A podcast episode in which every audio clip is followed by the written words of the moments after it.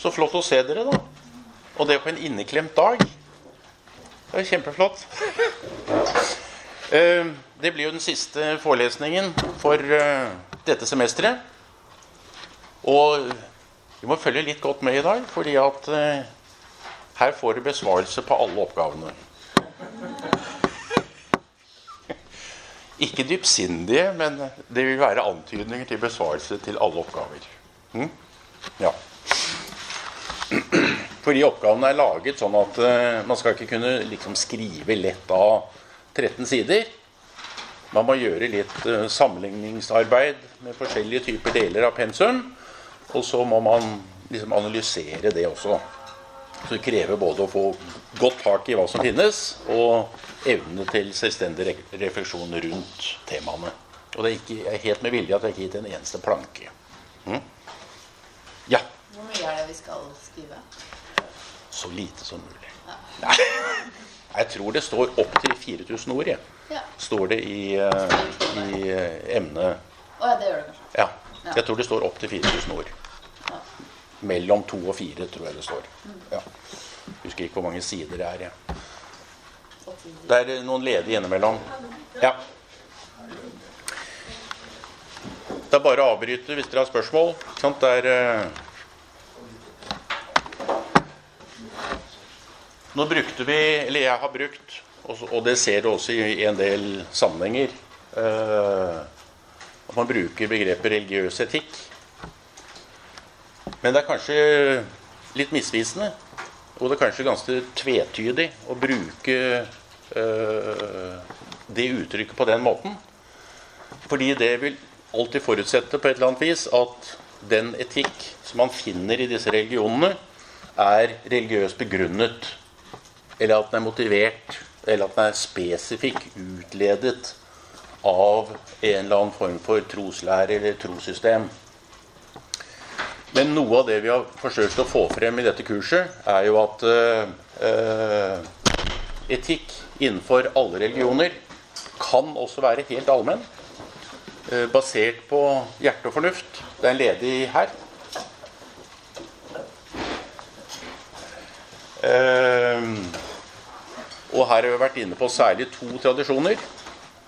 Eh, og det er jo naturretten, og det er den etiske fordring. Eh, altså det som med litt større ord kalles for fenomenologisk etikk. Det det innebærer, er jo at etikken på et eller annet vis er basert på eh, erfaringer og alminnelige fenomener som finnes i tilværelsen.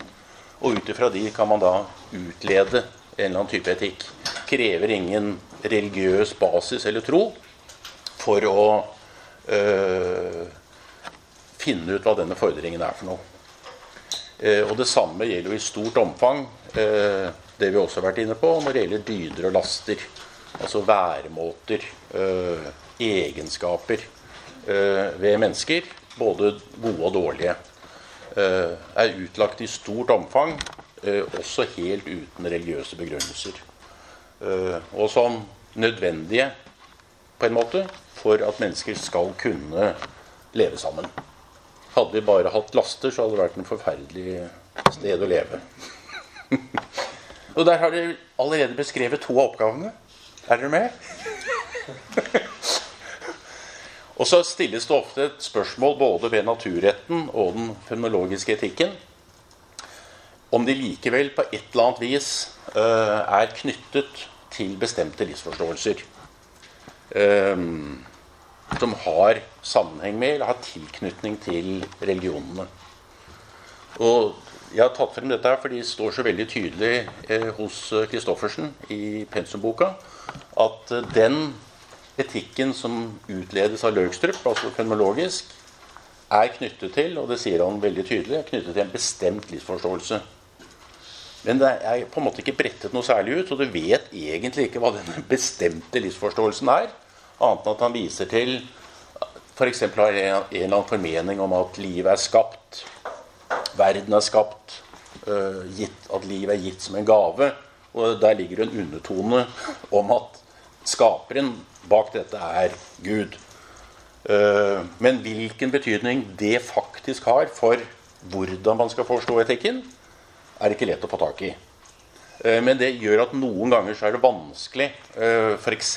å snakke om eh, naturrett i, i allmenne eller sekulære sammenhenger. Fordi at noen vil tenke at noe av basis for den er religiøs. Og dermed så har man liksom ikke åpningen for å kunne snakke sammen. Noen, noen mistenker, sånn som f.eks. ikke er religiøse, at det likevel ligger en religiøs basis. Og til en viss grad så er det riktig. Jeg, tror ikke man kan komme helt bort ifra det.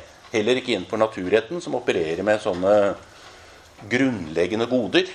Og disse grunnleggende godene synes også å være utledet fra en, en religiøs basis. Jeg vil bare liksom hente frem dette relativt tydelig, sånn at dere ser begge deler. Du må sitte på en eller annen flanke. Pass på at du ikke går på den ledningen, for da snubler du. Eh, jeg skal i dag være særlig opptatt av eh, forholdet til sekulære samfunn. Og dette blir litt repetisjon fra det noen av dere har i 1002. Men det blir satt inn i en sånn etikksammenheng. Eh, vanligvis så bruker vi ordet sekulært som et verdslig samfunn. Altså hvor samfunnet er fri fra en eller annen eller former for religiøs makt. Uh, og dette har jo vært et storslått for å si det sånn, politisk program uh, i, i, mange, mange steder. Jeg nevnte helt innledningsvis det som står i kulepunkt 2 der, at dette er et område som er snakket og skrevet veldig mye om. også innenfor religion, religionssosiologi etc. etc. Og en av de liksom store uh, kongene får vi kalle ham, innenfor denne type tenkning er José Casanova. Det er et fantastisk navn. Uh, som har skrevet en bok som heter 'Public Religions in the Modern World'. Uh, nå har han moderert synspunktene siden den gangen, men dette er et veldig veldig tydelig uttrykk for forståelsen av et verslig samfunn. Og det han der veldig tydelig sier, er jo at sekulære og religiøse områder, eh, sfærer, må eh, skilles fra hverandre. Eh, og det vil jo si at det religiøse skal ikke finnes i det sekulære rommet i det hele tatt. Det kan bare eksistere privat. Uh, og selvfølgelig innenfor lukkede trossamfunn etc. etc. Uh, men det har ingen plass, bør ikke ha, skal ikke få noen plass uh, i det sekulære samfunn. Og I den boken så skriver han også veldig tydelig at enhver form for integrasjon er uforenlig med moderne forståelser om borgerskap. Det er et veldig sterkt uttrykk. Uforenlig. og det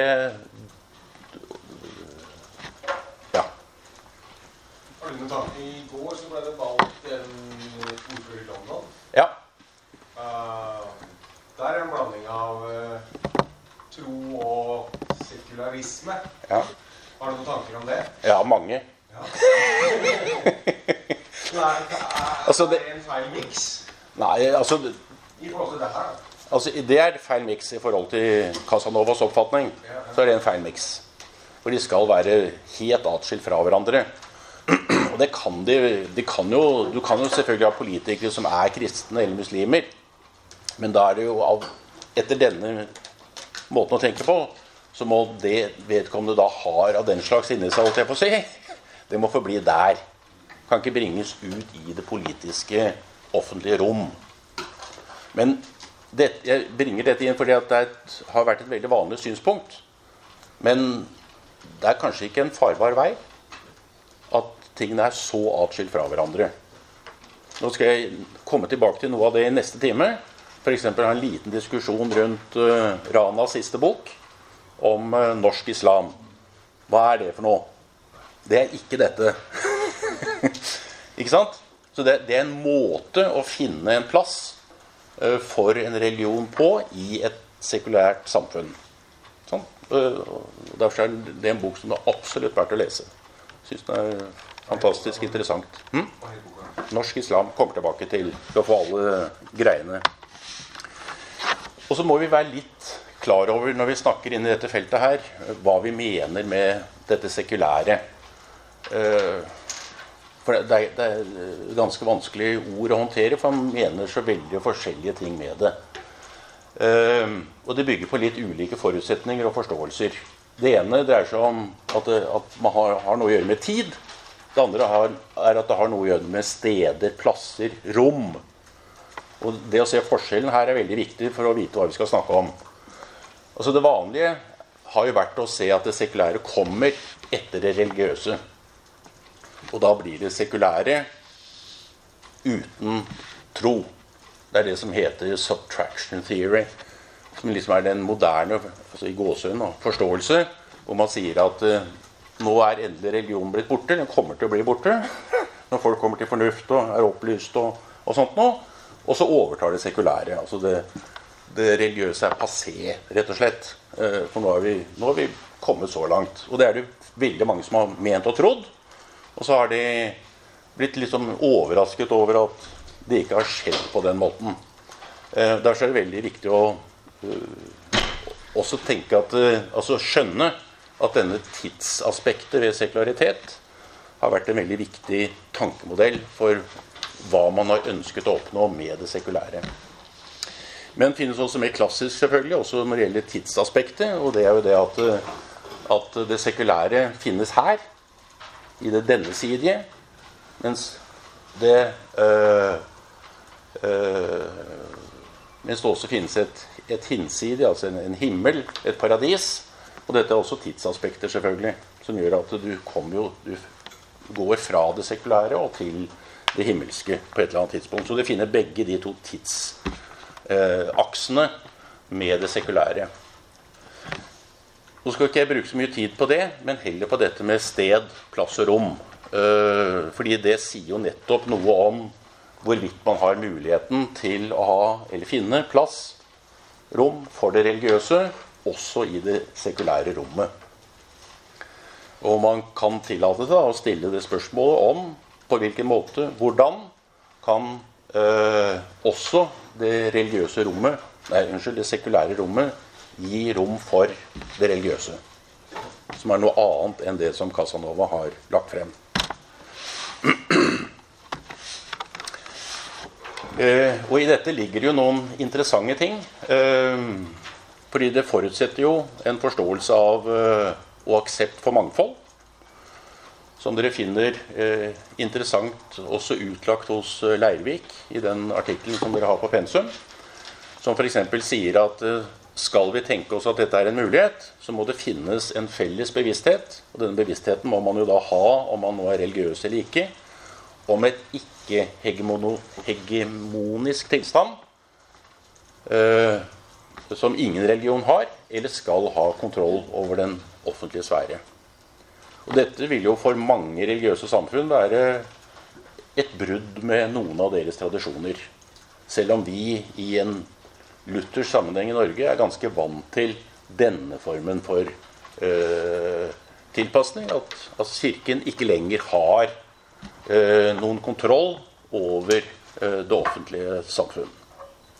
Men vi har mange eksempler på hvor dette henger igjen, holdt jeg på å si, er igjen i, i samfunnet vårt. F.eks. i mange av de veldig store institusjonene som vi har, altså i sykehusene, i Forsvaret uh, etc. Uh, så har vi jo sykehusprester, vi har fengselsprester, vi har forsvarsprester, militære prester. Uh, og det kommer fra den gamle tradisjonen, hvor man gjennom disse tjenestene kunne betjene alle. Og Jeg har funnet mange interessante artikler, f.eks.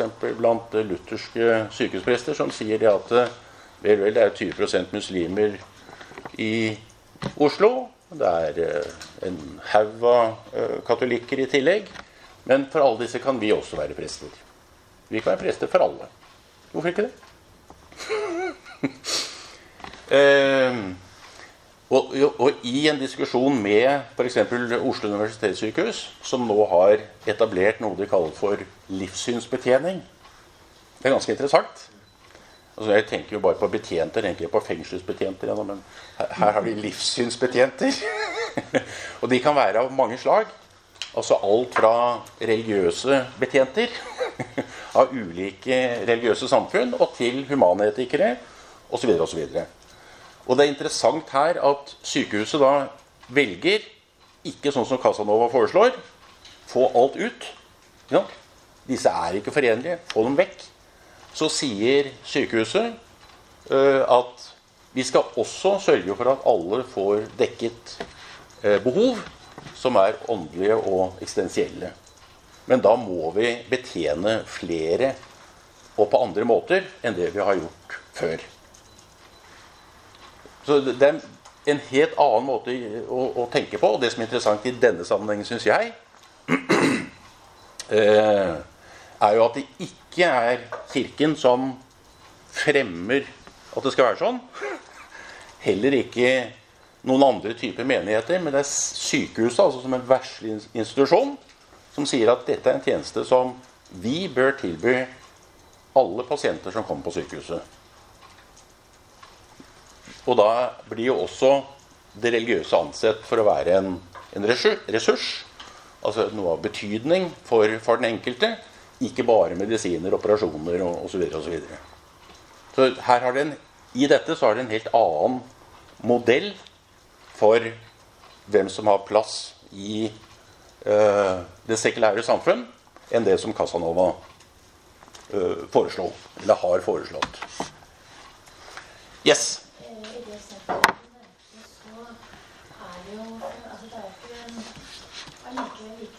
Nei. Prestene er fast ansatt. Ja. Mens livssynsbetjentene, sånn som filosofisk og imamer, Ja. de er også på tilknytningsbasis. ja. Sånn at ikke for døden, så prøver å få den har lyst til å snakke. Nei. Du har rett i det. Så det er ikke en, det er ikke en fullstendig. Nei, du har helt rett i det. Det, det henger i det gamle. Og det har jo sammenhengen mellom sykehus og Norske kirke og sånne type ting. Eh, Men jeg tror eh, i løpet av relativt kort tid så vil du også få fast ansatte imamer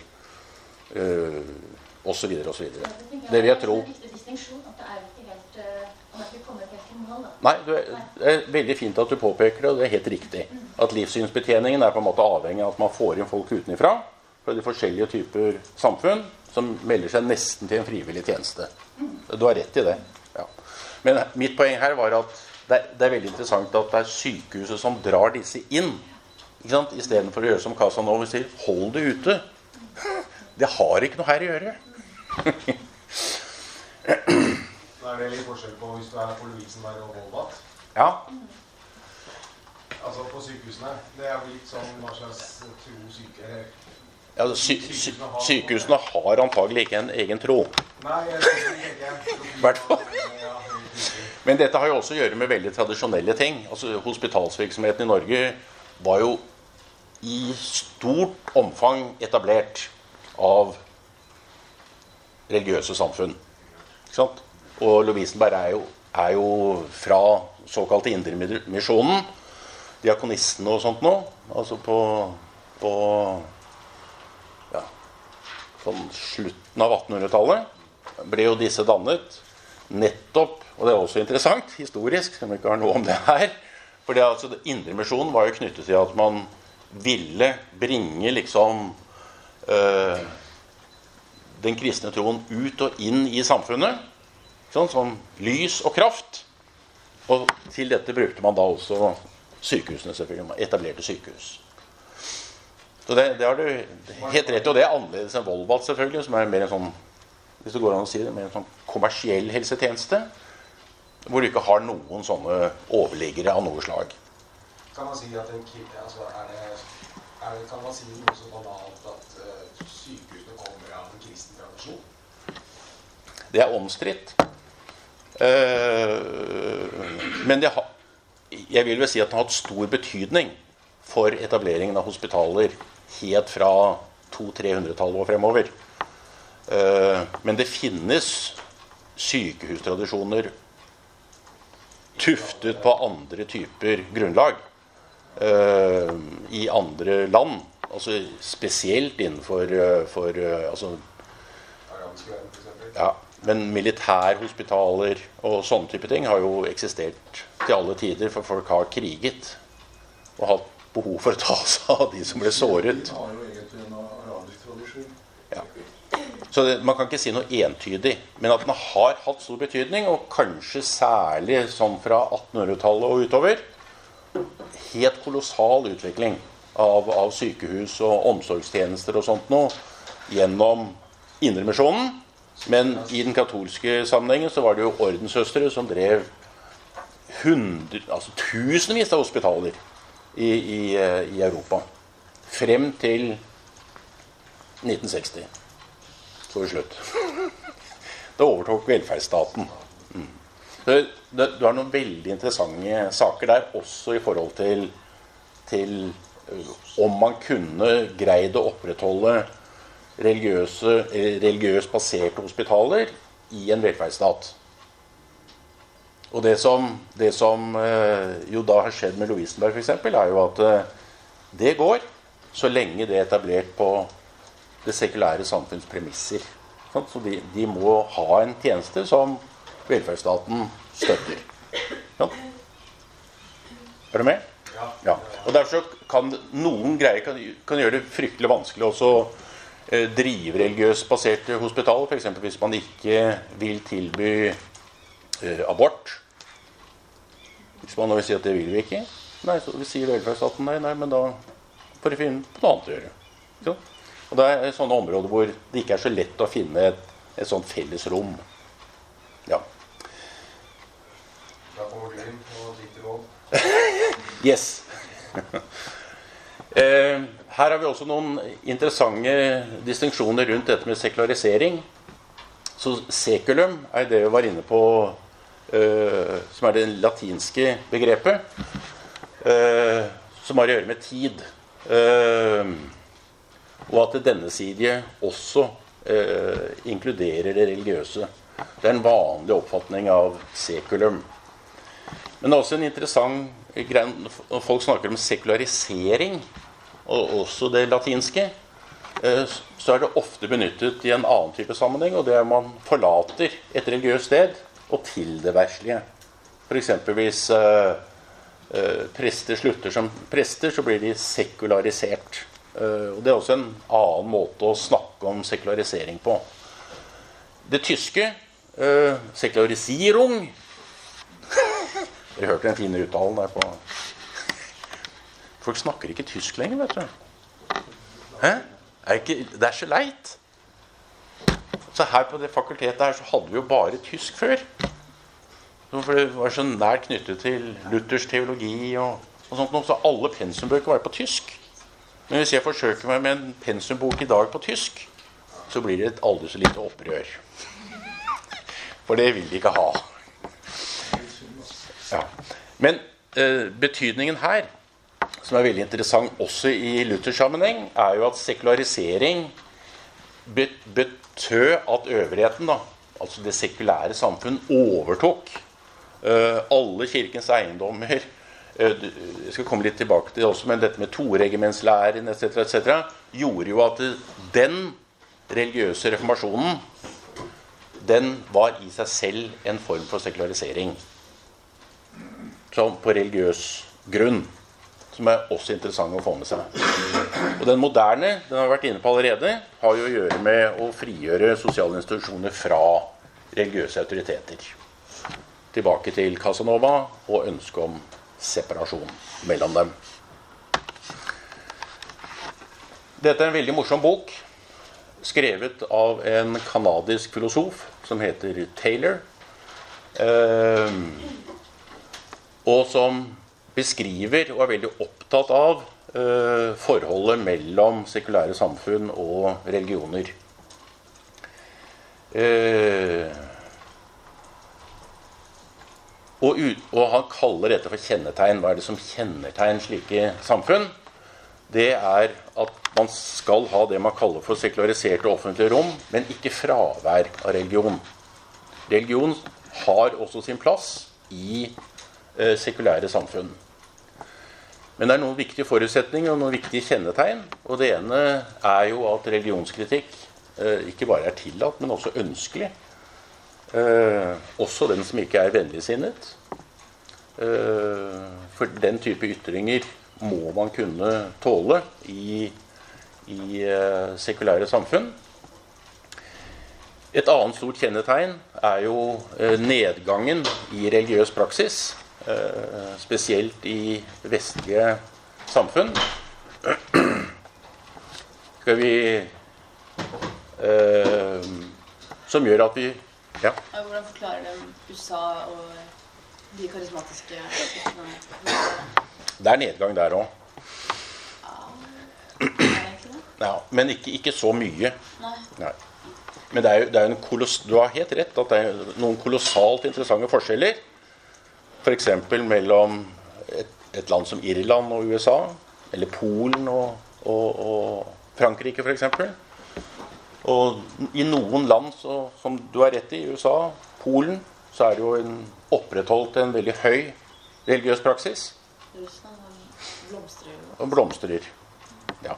Men han, Taylor, sier at dette er kjennetegnet av nedgang all over the place. Men jeg tror du har rett. Det stemmer heller ikke helt.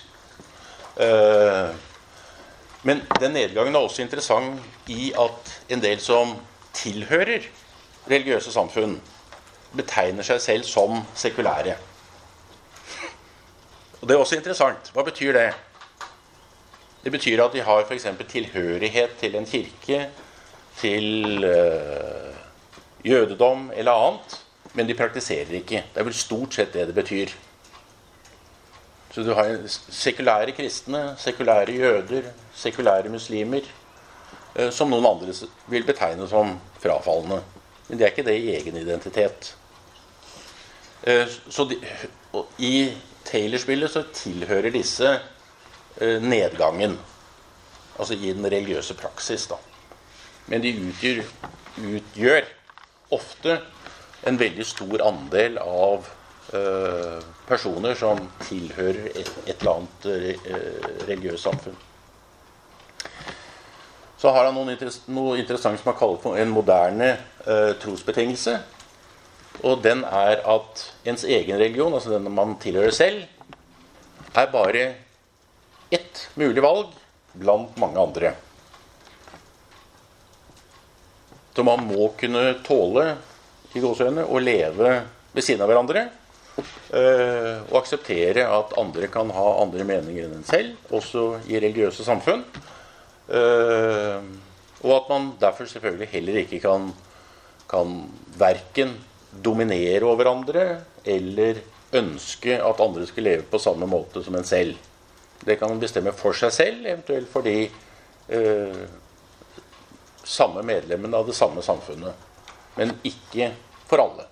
Som har vært en sånn typisk greie, for å si det sånn, i, i, i mange religiøse samfunn. Ja, du hadde en halv finger oppe. Jeg er tanker om eh, altså, de religiøse vil vel. Ja, ja, selvfølgelig. De religiøse, som f.eks. de abrahamiske religioner, som vil at hele verden skal bli under deres paraply, vil hele tida ha en kamp mot det sekulære. Og spørsmålet blir vel kanskje hvor Nå har vi blitt moderne. eh, Vi har kommet litt vekk fra stein og stokker. Men tror du det kan være fare for en slags kamp mellom det troende og det sekulære i samfunnet i dag? Selvfølgelig kan det det. I forandringene som faktisk foregår Altså, det. Det kan det. Eh, men dette er en, altså dette er en måte også å si noe om hvordan man kan etablere et sekulært samfunn hvor ulike religioner har plass. Og da er dette en veldig viktig betingelse for at det skal kunne gå. Hvis man ikke er villig til å leve etter den betingelsen, så vil det jo ofte oppstå konflikter. Så det, det, det, det er ikke dette, dette er et forslag på hvordan det skal gjøres. Ja. Det er ikke noe svar. Altså, det fins jo ikke noe endelig svar på det. Det er ikke sikkert at alle religiøse samfunn er villige til å akseptere den betingelsen. Hm?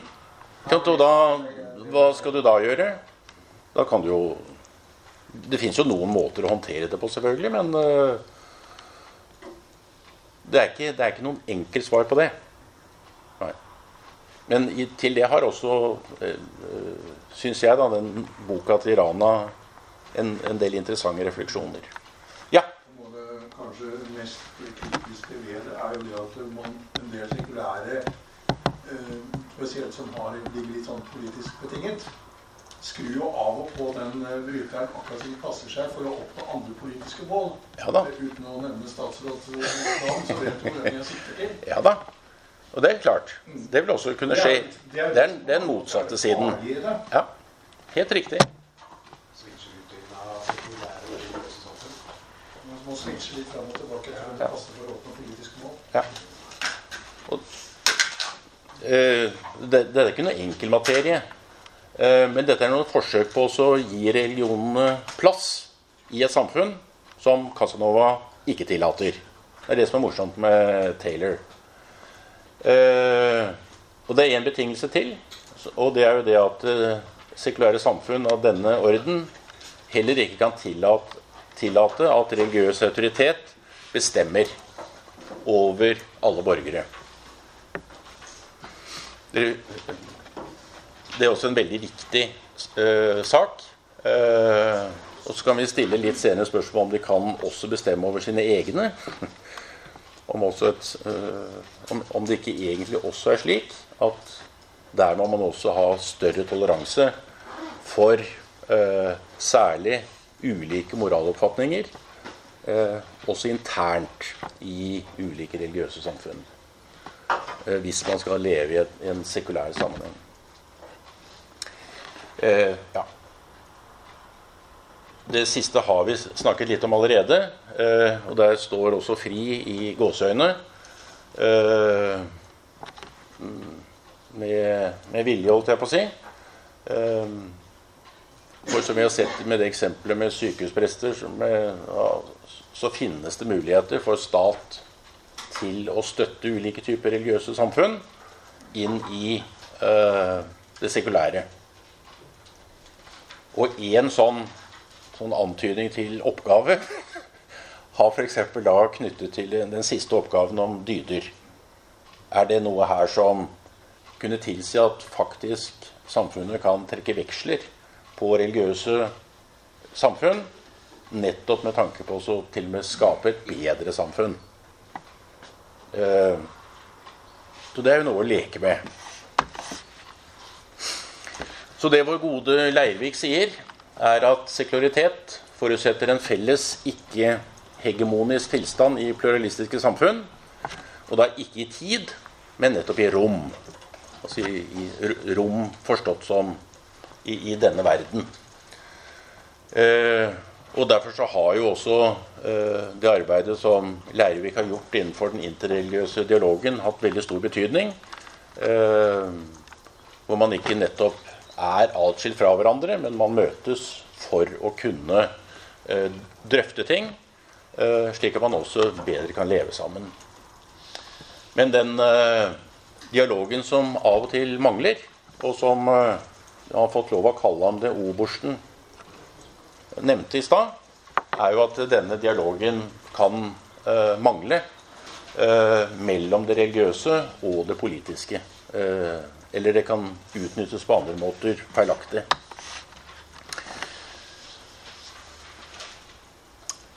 Bektovic, Safet, nevnte så vidt dette også med sekulært islam. Og nevnte så vidt også ramadan. Eh, som også er veldig interessant inn i denne sammenhengen. For det er selvfølgelig skrevet også inn i en eh, sekulær, vestlig sammenheng.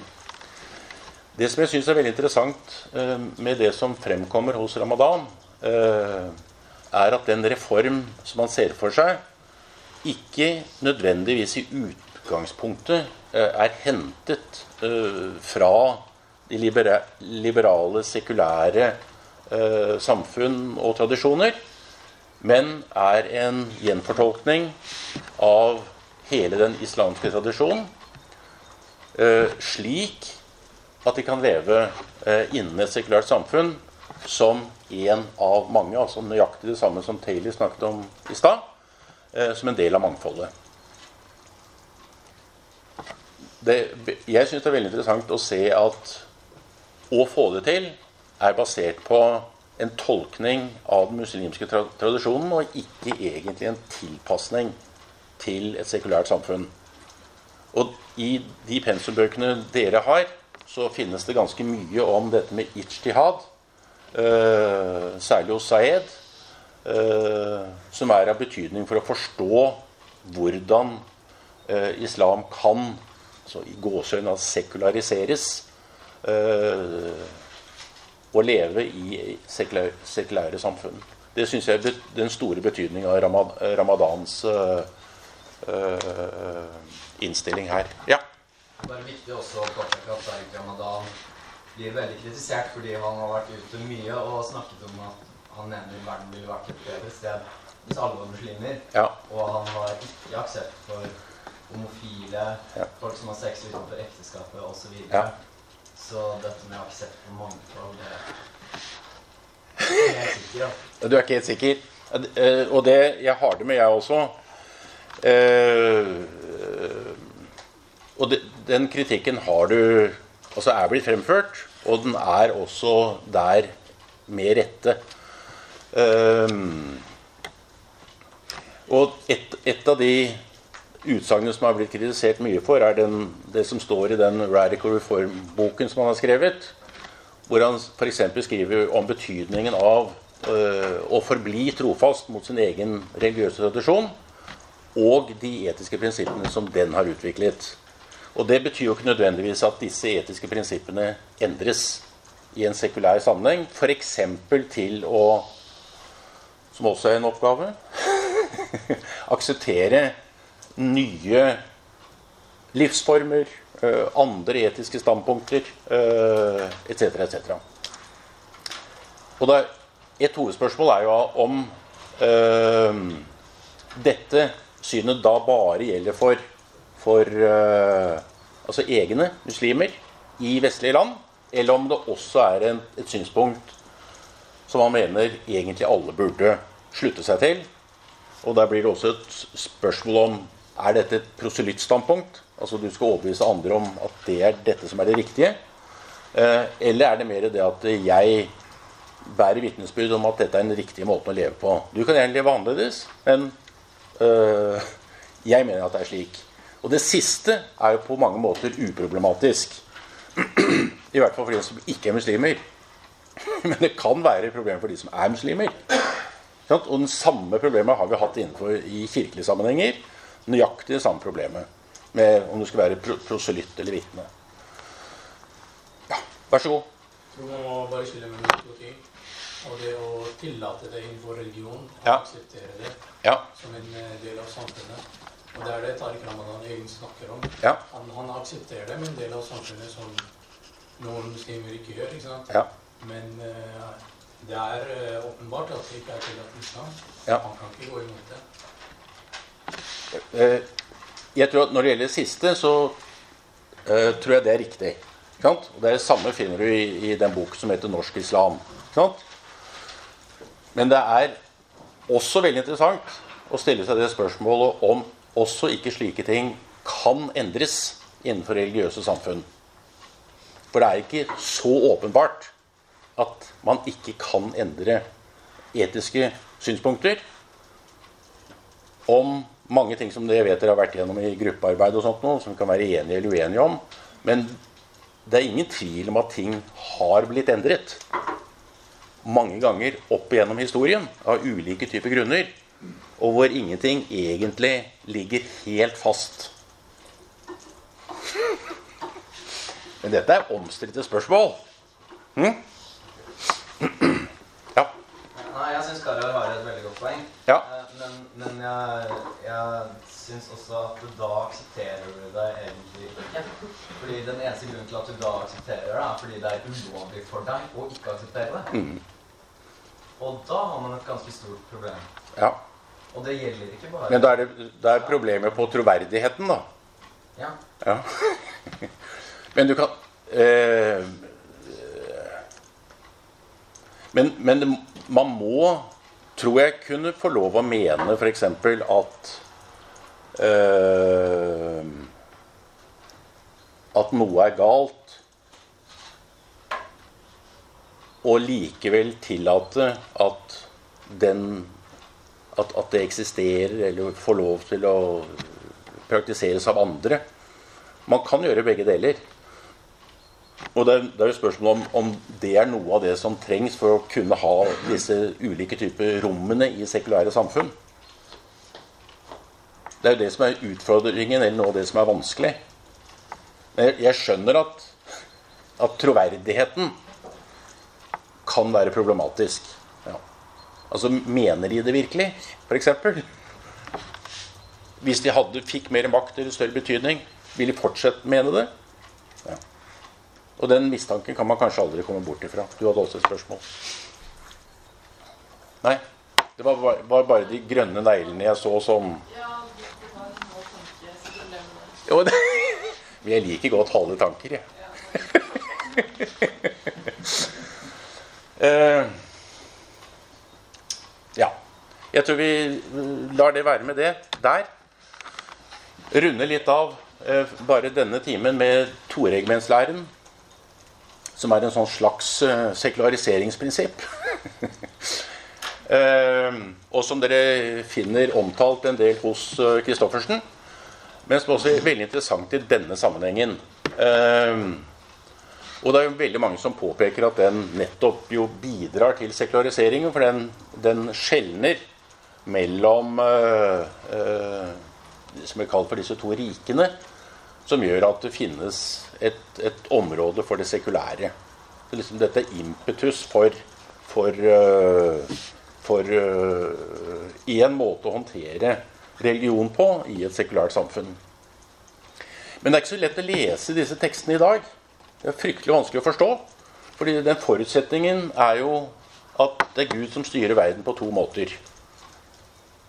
Men eh, våre sekulære tankeganger har, det er ikke, noe- Gud styrer ikke noe. Så dette ligger innenfor et tankegods hvor, det ikke fantes, tror jeg, noen som tenkte at Gud ikke var. Altså på 1500-tallet etc. etc. Og det styres på to måter, i to riker. Og det er gjennom det verdslige, altså øvrigheten, sånn som eh, samfunnet var styrt denne gangen, og dens lover, og gjennom Kirken og evangeliet. Men det er vanskelig å lese, for dette samfunnssynet, måten å hånd, eh, det, eksisterer ikke lenger.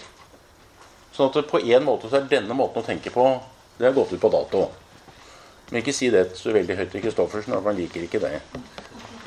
Ikke skriv noe sted vi skal sensurere oppgaver. Så er det jeg som får kjeft. Men det vesentligste her med, med toregimentsleiren er jo at Kirken ikke skal utøve politisk makt. Det er det, det er det som er det sekulariserende med den reformasjonen. Og den skal særlig ikke bruke vold. Uh, og den skal ikke styre samfunnet, og heller ikke moralen i samfunnet. Er denne sekulære tankegangen rundt uh, skillet. Og det innebærer selvfølgelig sekularisering.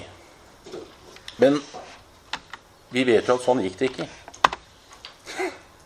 For vi fikk i løpet av veldig kort tid statsreligion. Og da fikk vi ett rike og ett regiment på nytt. Og det kan vi begynne med i neste time.